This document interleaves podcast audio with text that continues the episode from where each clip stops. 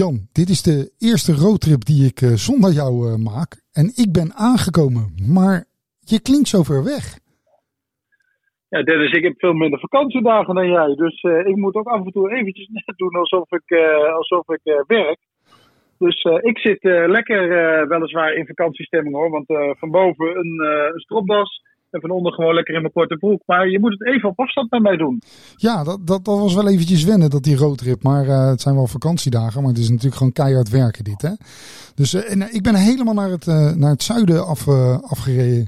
Om, nou, buitenland zouden we hier zeggen, toch? Ja, eigenlijk wel. Dit is gewoon het buitenland. Dit is hetgene wat we normaal gesproken gewoon weg zouden geven aan België of Duitsland. Maar, en hoeveel meter zit je nou hemelsbreed van de draf- en renbaan af? Oh, ik heb geen idee waar dat, uh, dat ding is. Uh, ik, ik, ik, zie alleen maar Duitse vlag aan de overkant. Dus uh, ik zit heel dicht, heel dicht bij de grens in ieder geval. Nou, ik zou zeggen, voordat ze dadelijk gaan vragen om je coronatest, laten we maar gauw, laten we maar gauw instarten. Ja, ik, ik denk, we starten hem gewoon in.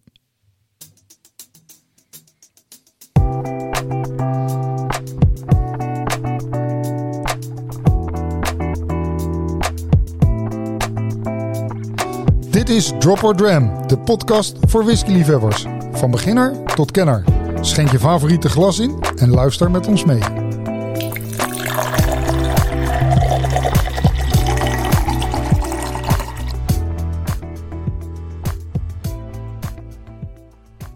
Ja, ik zit uh, helemaal in Heerlen bij uh, Max Foxen. Uh, oftewel de man achter Elements of Whisky ook inmiddels een uh, podcast. En uh, die kwam eigenlijk met een briljant thema. Want uh, ja, een mede podcastmaker, die moest ik natuurlijk spreken. Hij doet proeverijen, vooral hier in het zuiden. En ik dacht van nou, ik ga naar die man toe. Ik ga hem, ga hem spreken. En toen kwam hij met een prachtig thema, oud versus nieuw. En ik zit nu live tegenover hem. En nou snap ik het, want het is gewoon de jonge versie van, van ons, Jan. Ja, ik weet dat jij er knap en jong uitziet. Maar hij... dat, is, dat is bij ons natuurlijk ook een, een ontzettend thema. Voor de mensen die dat dan niet weten. Uh, ja, Dennis is natuurlijk een stuk ouder dan ik. Dus, uh, ja, scheelt precies ja. een jaar en twee maanden. Nou ja, dat zie je aan de buitenkant. Uh, zie je dat. Ja, dat is waar. Dat, uh, ik heb een wat doorleefder gezicht, zoals ze dat zo mooi zeggen.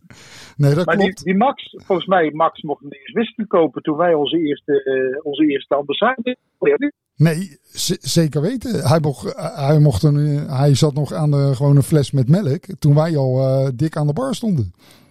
Heb je zijn ID gevraagd? Oh, dat is een goeie. Ja, hij heeft zijn baard laten groeien. Dus dat is altijd even hetgene waar ik dacht van, hé, hey, dat is hem. Maar uh, ik ga zijn ID jou even checken.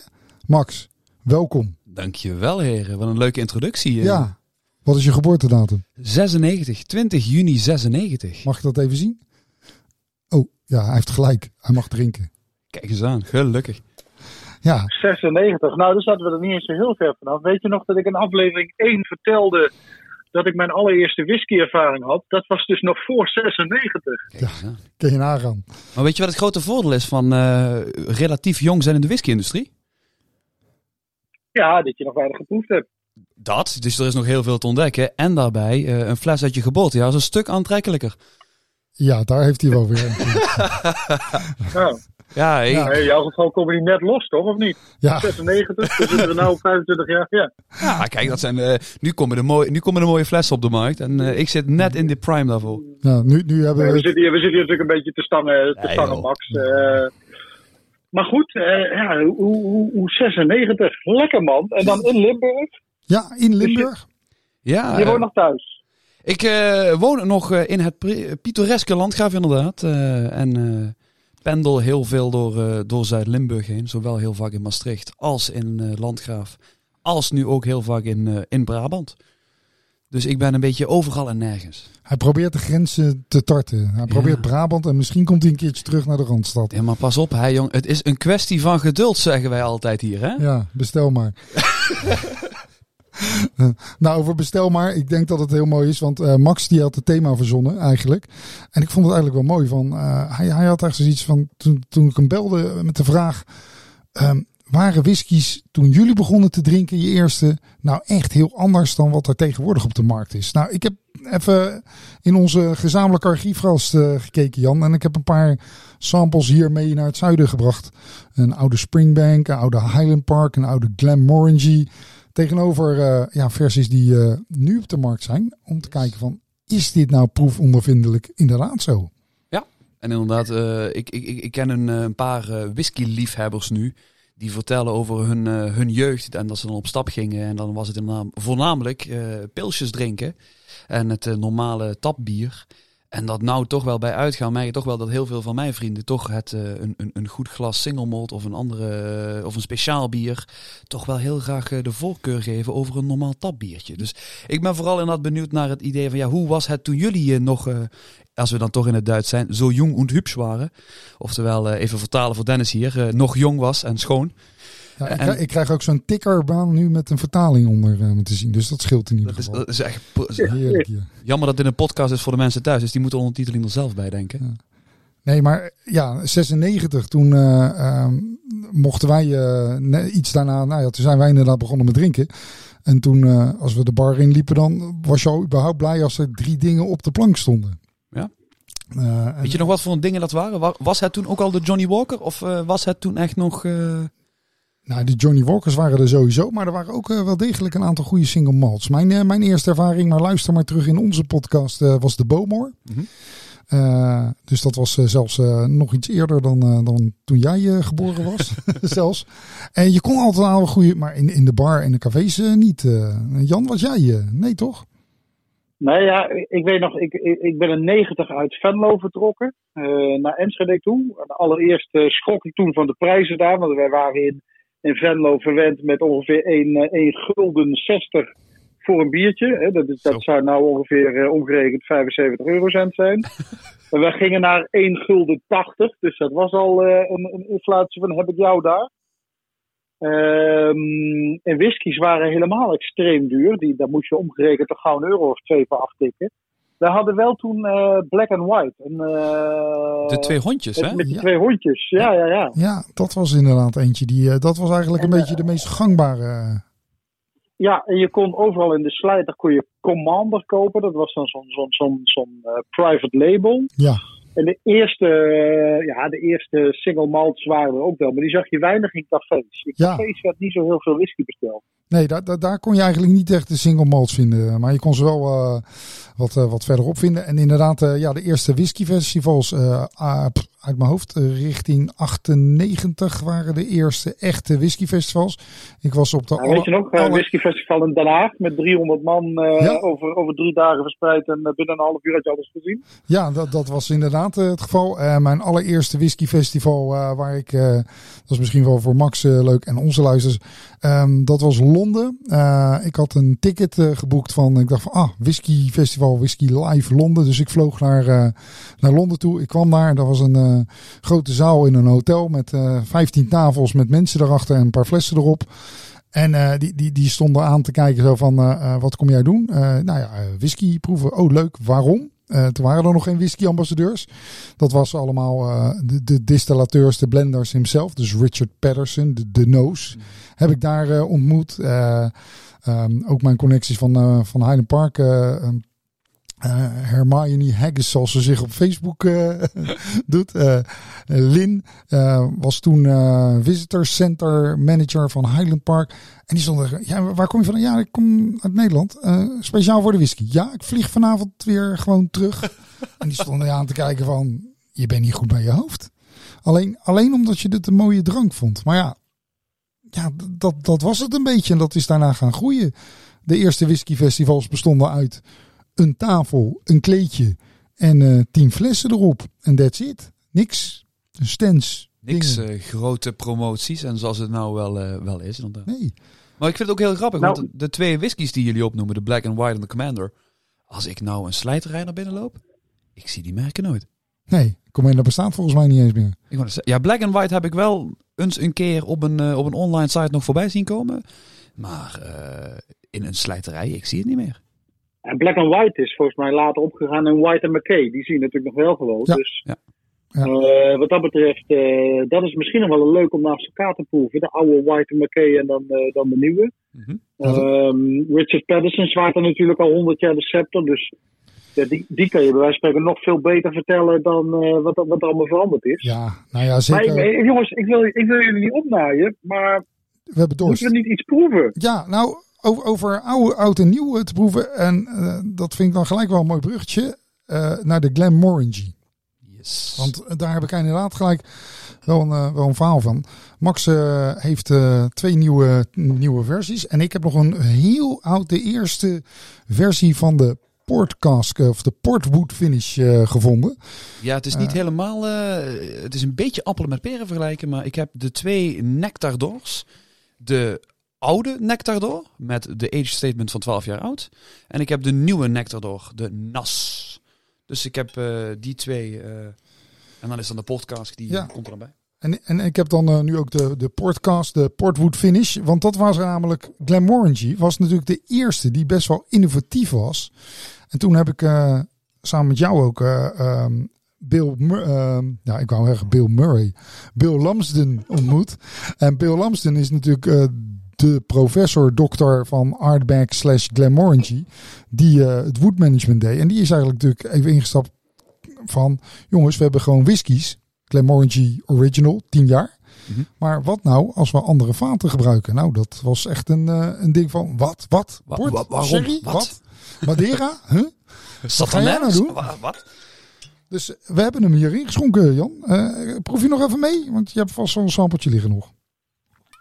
Ja, die, die, die oude Nectador heb ik ook nog staan. En die, die nieuwe heb ik vorige week gehad, dus die kan ik me wel voor de geest halen. Dus ik, eh, ik schenk kleine bescheiden beetjes, hè, want ik moet nog, eh, moet nog werken zo meteen.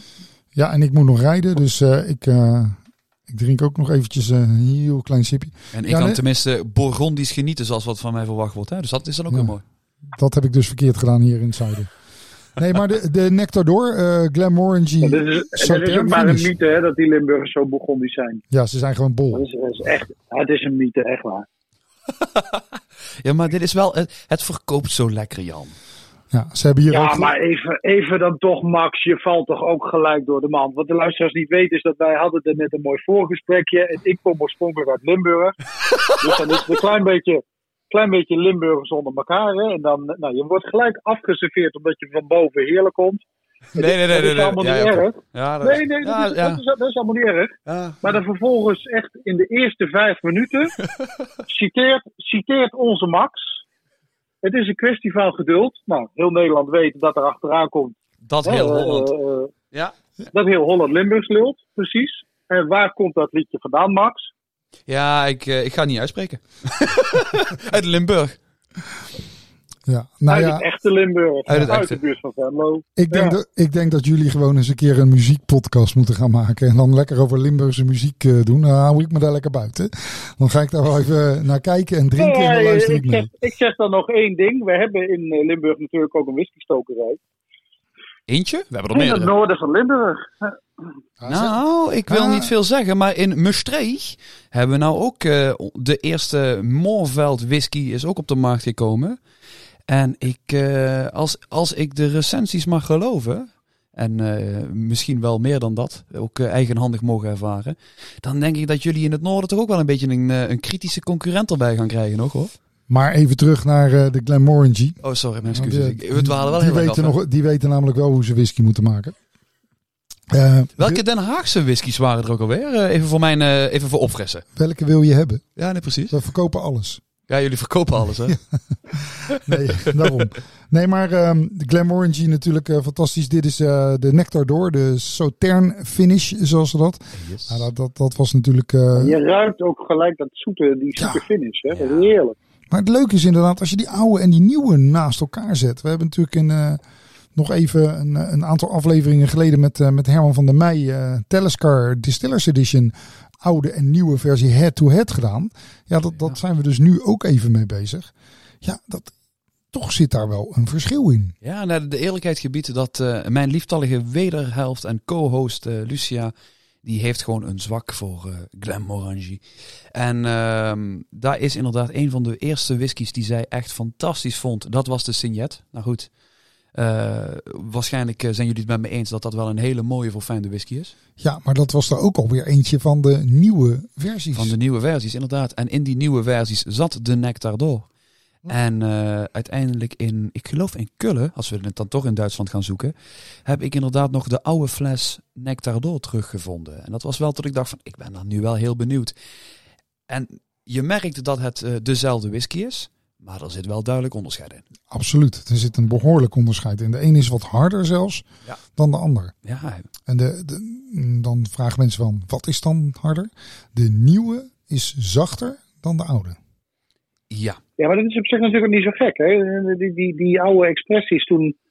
Nou ja, mijn ouders, jouw jou, jouw grootouders Max, die dronken allemaal nog behoorlijk wat, uh, wat sherry met elkaar. Dus Mhm. sherryvaten waren veel meer voorhanden. Mhm.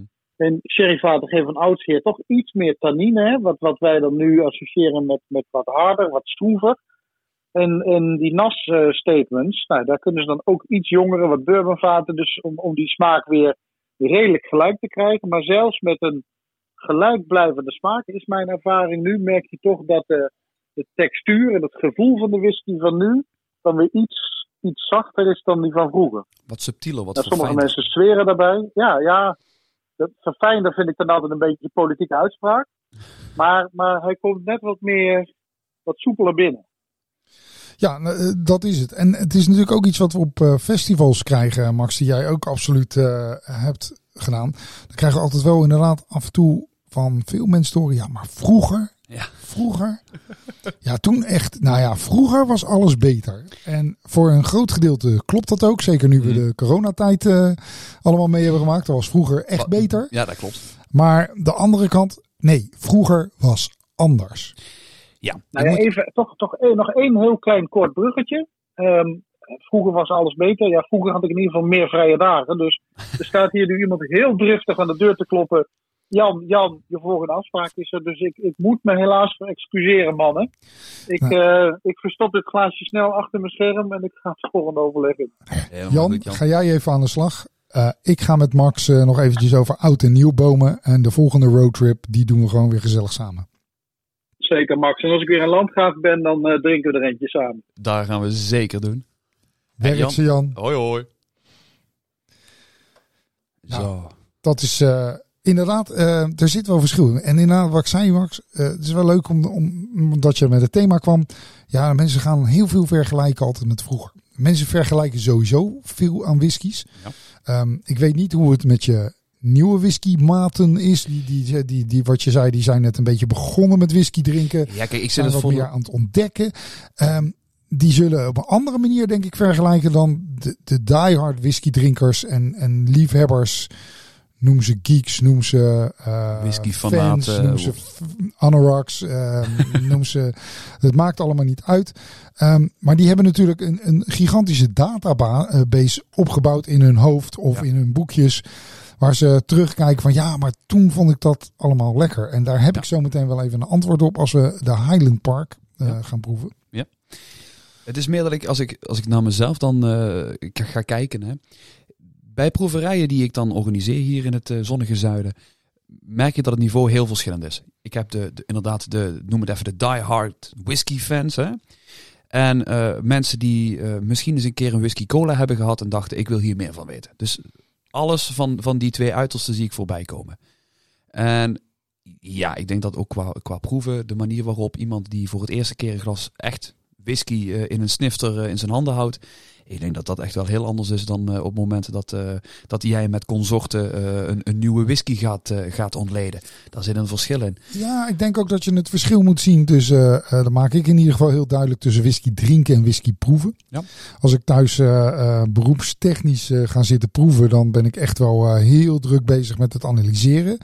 Ben ik aan het whisky proeven thuis ehm, op een minder serieuze manier, dan, dan, dan, dan neem ik wel alles een beetje meer tot mij toe. En dan laat ik dat, dat kijken van wat kan ik nou wel, wat kan ik nou niet ontdekken. Eh, whisky drinken is gewoon mijn favoriete glas neerzetten, klaar, open en Ja, precies. eh, eh, doen. Maar ik denk ook wel, ehm, wat, ja, wat we het net over hadden, van jullie zijn later begonnen met drinken. En dan krijg je inderdaad van andere generaties Ja. en whisky freaks te horen op festivals. Ja, maar vroeger was dat en dat. En ik denk ook dat, dat we dat wel duidelijk zien in de whisky-industrie. En Ja. als we bijvoorbeeld eh, de Highland Park, je hebt toevallig een oude versie en een nieuwe versie naast zitten. Maar een ander mooi voorbeeld is McKellen, eh, waar je Ja. dat met name over McKellen heel veel hoort. Mhm. Is van, ja, maar vroeger was eh, alles sherryfusten en, en dat was waar. Dat klopt. Was dat helemaal beter? Dat vraag ik me nu af. Mhm. Eh, sherry is nog steeds een beetje een toverwoord. Als er sherry op staat, dan is mensen weer wow. Ja, maar dus eh, de, de eerste eh, aflevering van, van onze batch 2 van onze podcast. En, en even voor jullie luisteraars, wij, wij werken in een wat strakker batch systeem. Ehm, maar in, in, in die aflevering hadden wij het over leeftijden. Ja. En als ik dan ga, ga kijken naar het, het, het gevestigde whisky drinkend publiek, die staren zich zo blind op die cijfertjes. Ja, voor de mensen die denken van, huh, eh, andere Oh. batch, eh, dat. Ja, Max eh, maakte van Elements of Whisky een eigen podcastserie. Dat, nou, zoek het even op, Elements of Whisky. Eh, kan je een hele leuke podcast. Daar heeft hij een proefset bij gemaakt. Die, die je kan nog steeds op abonneren. En dan kan je dus met elke aflevering kan je meeproeven met dat moment het thema. En daar heeft hij daar eentje van. Eh, absoluut ook de moeite waard. Wij doen het natuurlijk op een iets andere wijze. Wij nemen het iets algemener. Yes. Ehm, ook in onze toekomst ga je zeker met ons mee kunnen proeven. Maar ehm, wij, wij, wij, wij laten alle revue passeren. Maar wat ik zei inderdaad, je krijgt natuurlijk heel veel McKellen, Highland Park. Nou, we, we hebben hem hier. Als je ruikt, de oudere is wat zwaarder in geur en smaak. Nou is Highland Park niet zo heel veel veranderd, omdat ze alles nog steeds sherryfusten gebruiken. Wel sherry seasoned, dus niet alles 100% gerijpt. McKellen was vroeger alles sherry, maar dat was ook echt dik, zwaar Maar hout. Zaten de oude, of de hele oude McKennens hebben we het dan over, hè? Ja, de Was jaren dat- 90. Was dat eh, dan echt, eh, was het recept 100% sherry? Of Ja. zat daar dan toch nog een, eh, een bourbon vat ertussenin? Nee, was 100% sherry opgevoed. Ja, maar dat is, als jij een liefhebber bent van sherry, dan, Dan- snap ik dat jij nu gaat roepen, ja, maar die McKellens van tegenwoordig, die zijn niet meer wat er vroeger waren. Nee, dat klopt. Als je, dat, als je die houtsmaak eh, wil, en ehm, sommige Ja. mensen zullen dat ook zeggen wel van, eh, jezus, als je dat nu zou proeven en je bent, eh, een lichtere stijl gewend, een bek vol splinters.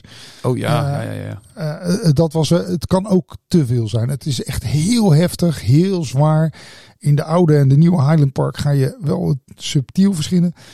Er is natuurlijk in onze maatschappij gewoon veel veranderd. Ehm, we evolueren. Jaren 70, jaren 80, jaren 90. Het eten wat je op je bord kreeg. Mhm. Man, toen we voor het eerst Italiaans gingen eten, hadden we zoiets wow.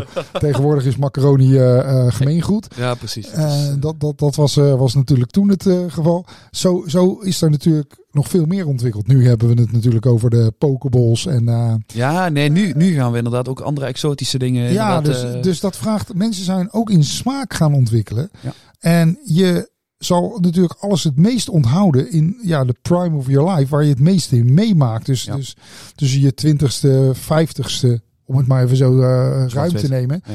In je carrière, in je leven. Er gebeurt heel veel. De maatschappij verandert. mhm. En daardoor je, je bagage wordt groter, maar je smaakontwikkeling dus ook. En Mhm. die whiskymerken zijn meegegaan naar die smaakpalet. Alleen ja, kunnen niet zo snel schakelen. Ja, je hebt, eh, je, als, Als jij, wat, eh, als eh, jij je- jou- jouw 12 jaar oude whisky in, in stijl wilt veranderen, ja, daar gaat toch wel eh 12 jaar overheen dan, hè?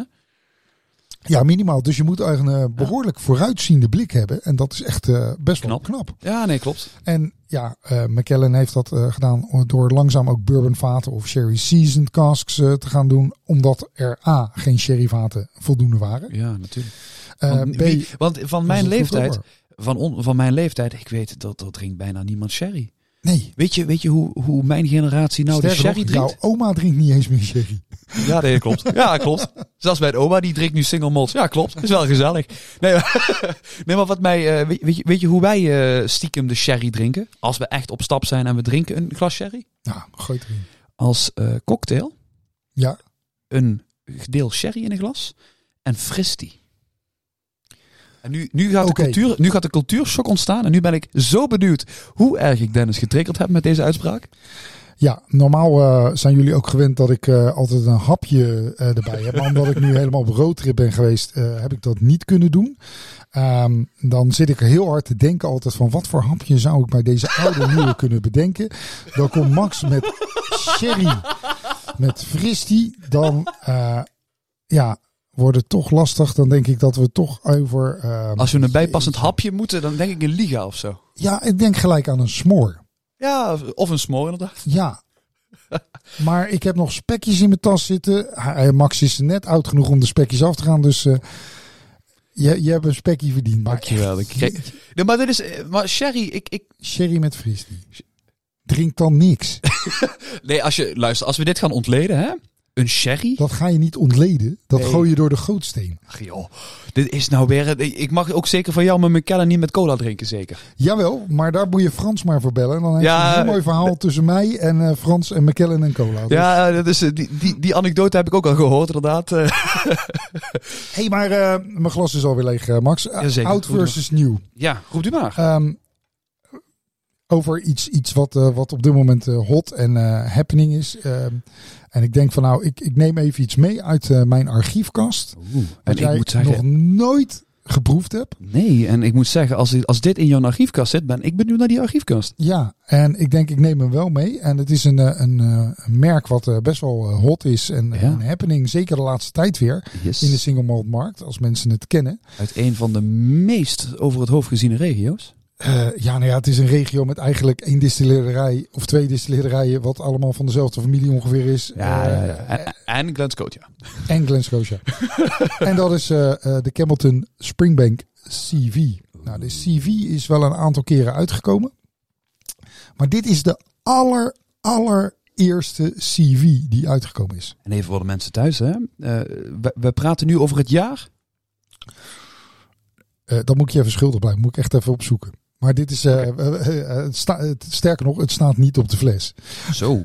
Heb jij de mooie whisky base? Ja, ja, ja, ja, heb ik. Oh, dan, dan zou je hem waarschijnlijk op kunnen zoeken. Dat ga ik meteen voor jou doen. Dus ik, even van de microfoon af, want ik moet hem inschenken. Ondertussen dan zal ik wel even kort overnemen dat ik inderdaad op zoek ben even voor jullie op whisky base. Wat nou de ongeveer tijd is dat deze whisky uitgekomen is. Dat is zo fijn, want nu werk ik dus nu met een uh, jongere generatie, zie je wel, in onze podcast. met dezelfde apparatuur. En deze man is zoveel sneller met dat soort dingen opzoeken. Hier moet je de box. Ja, dankjewel. Moet je ook de fles, want dan kan je glaasje inschenken. Ja, ik, ik, heb, ik, ik moet zeggen, dames en heren, voor de luisteraars thuis, die dit niet op beeld kunnen zien nu. Uh, Dennis die heeft de fles, ik heb de doos. Er is een duidelijke winnaar onder ons twee. Dat, uh, dat merk je dan weer wel. Gelukkig kun je de knippen. Dit is, uh, dit, ja, nou ja, we, we, kunnen knippen, maar dat gaan we niet doen. Oh, ik, uh, ik zit al uh, lekker te geuren. Um, exclusief, ja. Dit is, dit is wel de eerste die in Nederland uitkwam. Ik, poeh, eind jaren, half jaren negentig, denk ik. Dat deze, oh, je zit er heel goed in. Ja, 94. 94. Kan je nagaan? Dus het bah, stukje geschiedenis is leuk. Dus twee jaar voordat jij kwam. Maar het is gebotteld twee jaar voordat ik geboren werd. Ja, nou, dus, dus dit is de oude. En de Springbank uh, heeft uh, ook daar de nieuwe versies van. Ze hebben hem later een paar keer uitgebracht.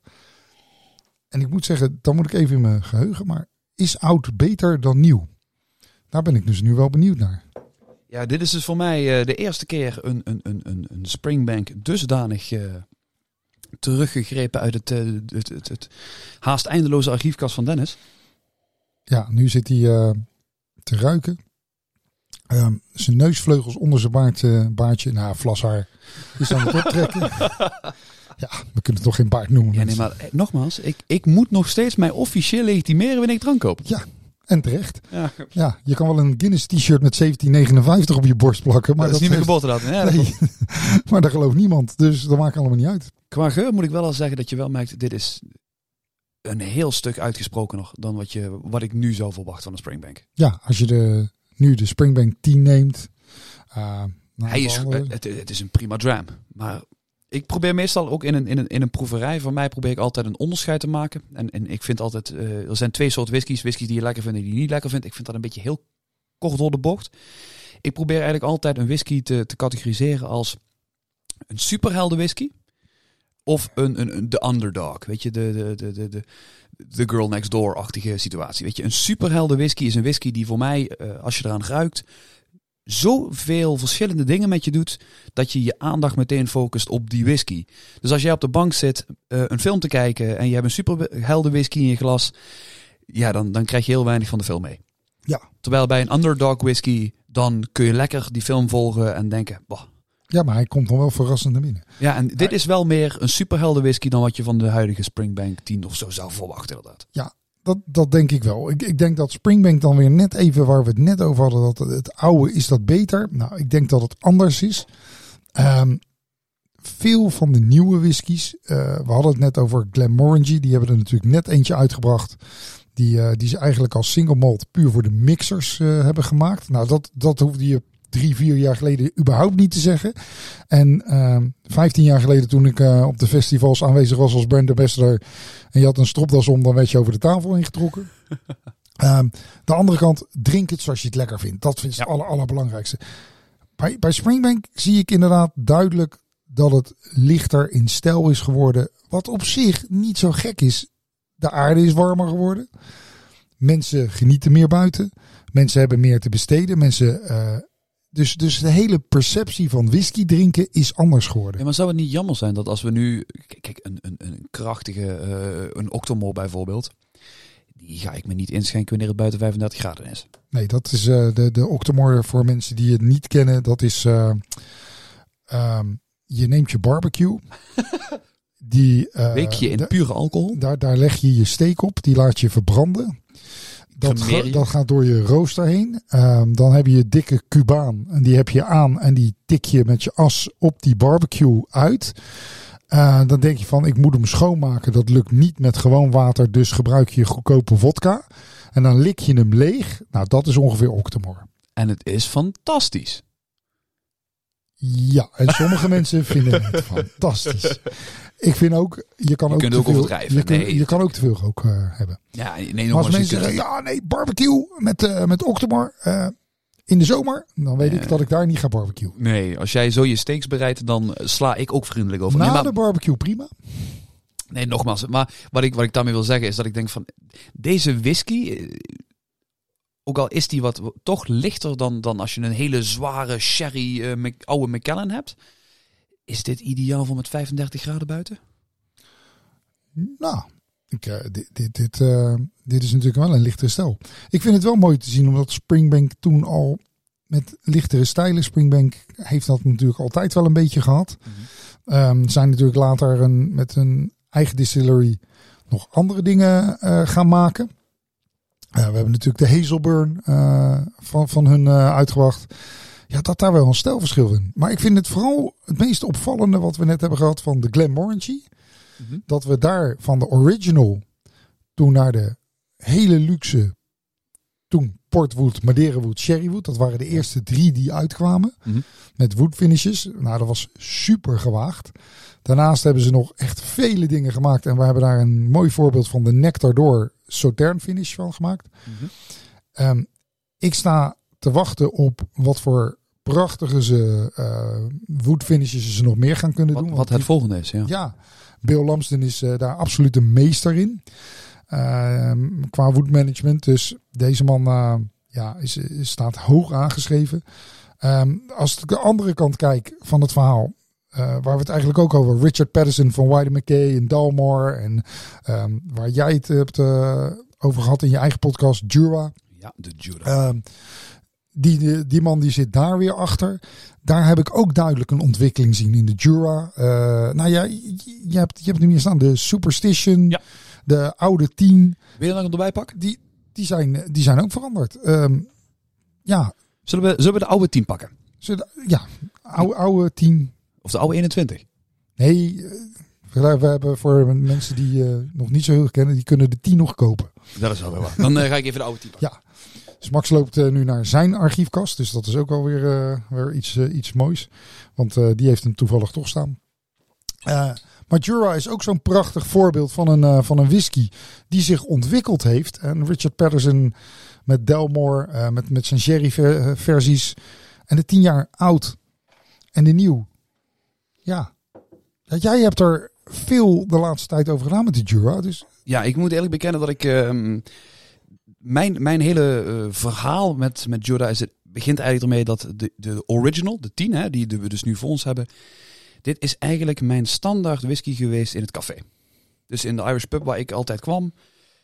Netjes vanaf mijn achttiende. Ehm dat was, was, was dit mijn whisky. Dus als ik zeg van ik had geen zin om, om, om, om een, een cocktail of whatever, dan was dit de whisky die ik uh, in mijn Glencairn had. Vervolgens uh, heb ik de, de Superstition gekocht. En ik dacht van, oh kijk, nu, nu, nu krijg je weer, fantastisch, tof. Maar de Jura 10 en de Superstition zijn zo anders.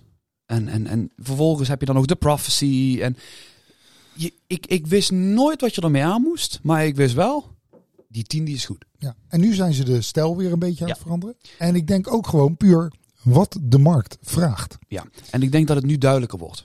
Althans, ik heb nu de hele range vanaf de, Ja. de, de journey tot aan de 18 gehad. En nu, nu, je snapt wel wat ze willen bereiken. Nou, we gaan hem zo meteen nog een aantal dingen meer proeven, want daar is de uitzending veel en veel te kort voor. Maar een ander mooi voorbeeld is degene die eh, Jan en ik jaren hebben mogen vertegenwoordigen als brand ambassador, is Glenn Roddes. En de Glenn Roddes had natuurlijk altijd hun Select Reserve. Nou ja, sterker nog, ze hadden eerst hun vintages, alleen maar enkel vintages. Daarnaast hebben ze een Select Reserve, toen de Bourbon Cast, Sherry Cast. Nou, dat was al heel gewaagd. En eh, nu eh, helemaal over andere boeren gegooid. 10, 12, 18 en de Whiskey Maker's Cut. Ja. De stijl is niet eens zo heel erg veranderd, maar er is wel meer consistency. Uh, er is meer duidelijkheid gekomen voor de consument. Mhm. En de stijl is wat meer op algemeen publiek heden ten dagen. En misschien Ja. is denk ik daar hetgene waar we het verschil in moeten maken. Oud en nieuw, voor mijn conclusie, is het ene beter dan het andere? Nee. Het is een ander tijdsbesef, een andere tijd waarin mensen anders keken naar whisky dan wat men nu kijkt.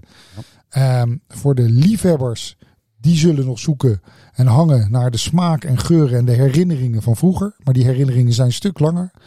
De herinneringen van Max zijn een stuk korter. Dus zijn belevenis zal duidelijk anders zijn. Maar wat ik me ook afvraag, en dan, dan moet ik even.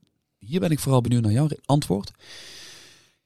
Zijn jouw herinneringen aan echt die heerlijke whiskies van vroeger? Als je er heel eerlijk naar terugkijkt, waren die whiskies ook echt zo goed? Of is het gewoon dat jouw herinnering ze lekkerder maakt? Want ik weet, bij deze whisky, dat heb ik elke keer weer, wanneer ik deze whisky thuis drink, dan denk ik, oh maar in het café met mijn vrienden om me heen, was dit wel lekkerder. Ja, nee. Oeh, dat, het is een moeilijke. En uh, het is eigenlijk gelijk weer een fout antwoord. Want een van de beste herinneringen die ik aan whisky heb, was een Macallan 12 jaar oude stijl. Uh, dat was toen de mainstream. Die was gewoon te krijgen. En een van de mooiste uh, hiking trips die we toen door Schotland met uh, mijn grote vriendengroep gemaakt. Die nog steeds mag scharen tot mijn vriendengroep. Dat was echt iets van, jongens, je mag 15 kilo meenemen. We moeten zeven dagen lopen door de Highlands. We hebben ons eigen eten mee. We hebben eigen flessen mee. We, we kwamen zeven dagen lang niemand tegen. Mhm. 15 kilo plus een fles whisky. Nou, op Kijk. de boot hebben we toen een Macallan 12 gekocht voor in de rugzak. Ja. En dan sta je op een bergtop. eh zeiknat na drie dagen. Je sokken stinken. Je meurt Ja. aan alle gaten. Ja. De hardcakes met eh, smeerkaas eh, komen aan je oren uit. En dan een glas whisky. En dat had echt, het maakt niet uit welke dat whisky had, dat. Wat dat had kunnen Dat zijn. was maar niet gewoon uit. de beste. Ja. En ik denk dat dat soort herinneringen eh, absoluut is. Maar is het dan niet veel belangrijker voor, voor of je nou een gevorderde whiskydrinker bent of dat je vandaag begonnen bent? Is het dan niet gewoon veel belangrijker om mooie herinneringen te maken met een whisky erbij, in plaats van dat je gaat zoeken naar een oude whisky om te kijken dat of, of vroeger alles beter was? Juist. Ik denk dat eh, maak vooral veel herinneringen. En met elk glas whisky wordt je herinnering beter. Kijk. En ik denk dat we daarmee afsluiten. En dat wij nog eventjes voor gaan proeven. Oud en nieuw. En hier en daar mooie herinneringen gaan maken. Wat denk jij Max? Daar sluit ik me helemaal bij aan. Mensen, zoals Jan altijd zou zeggen. Blijf luisteren.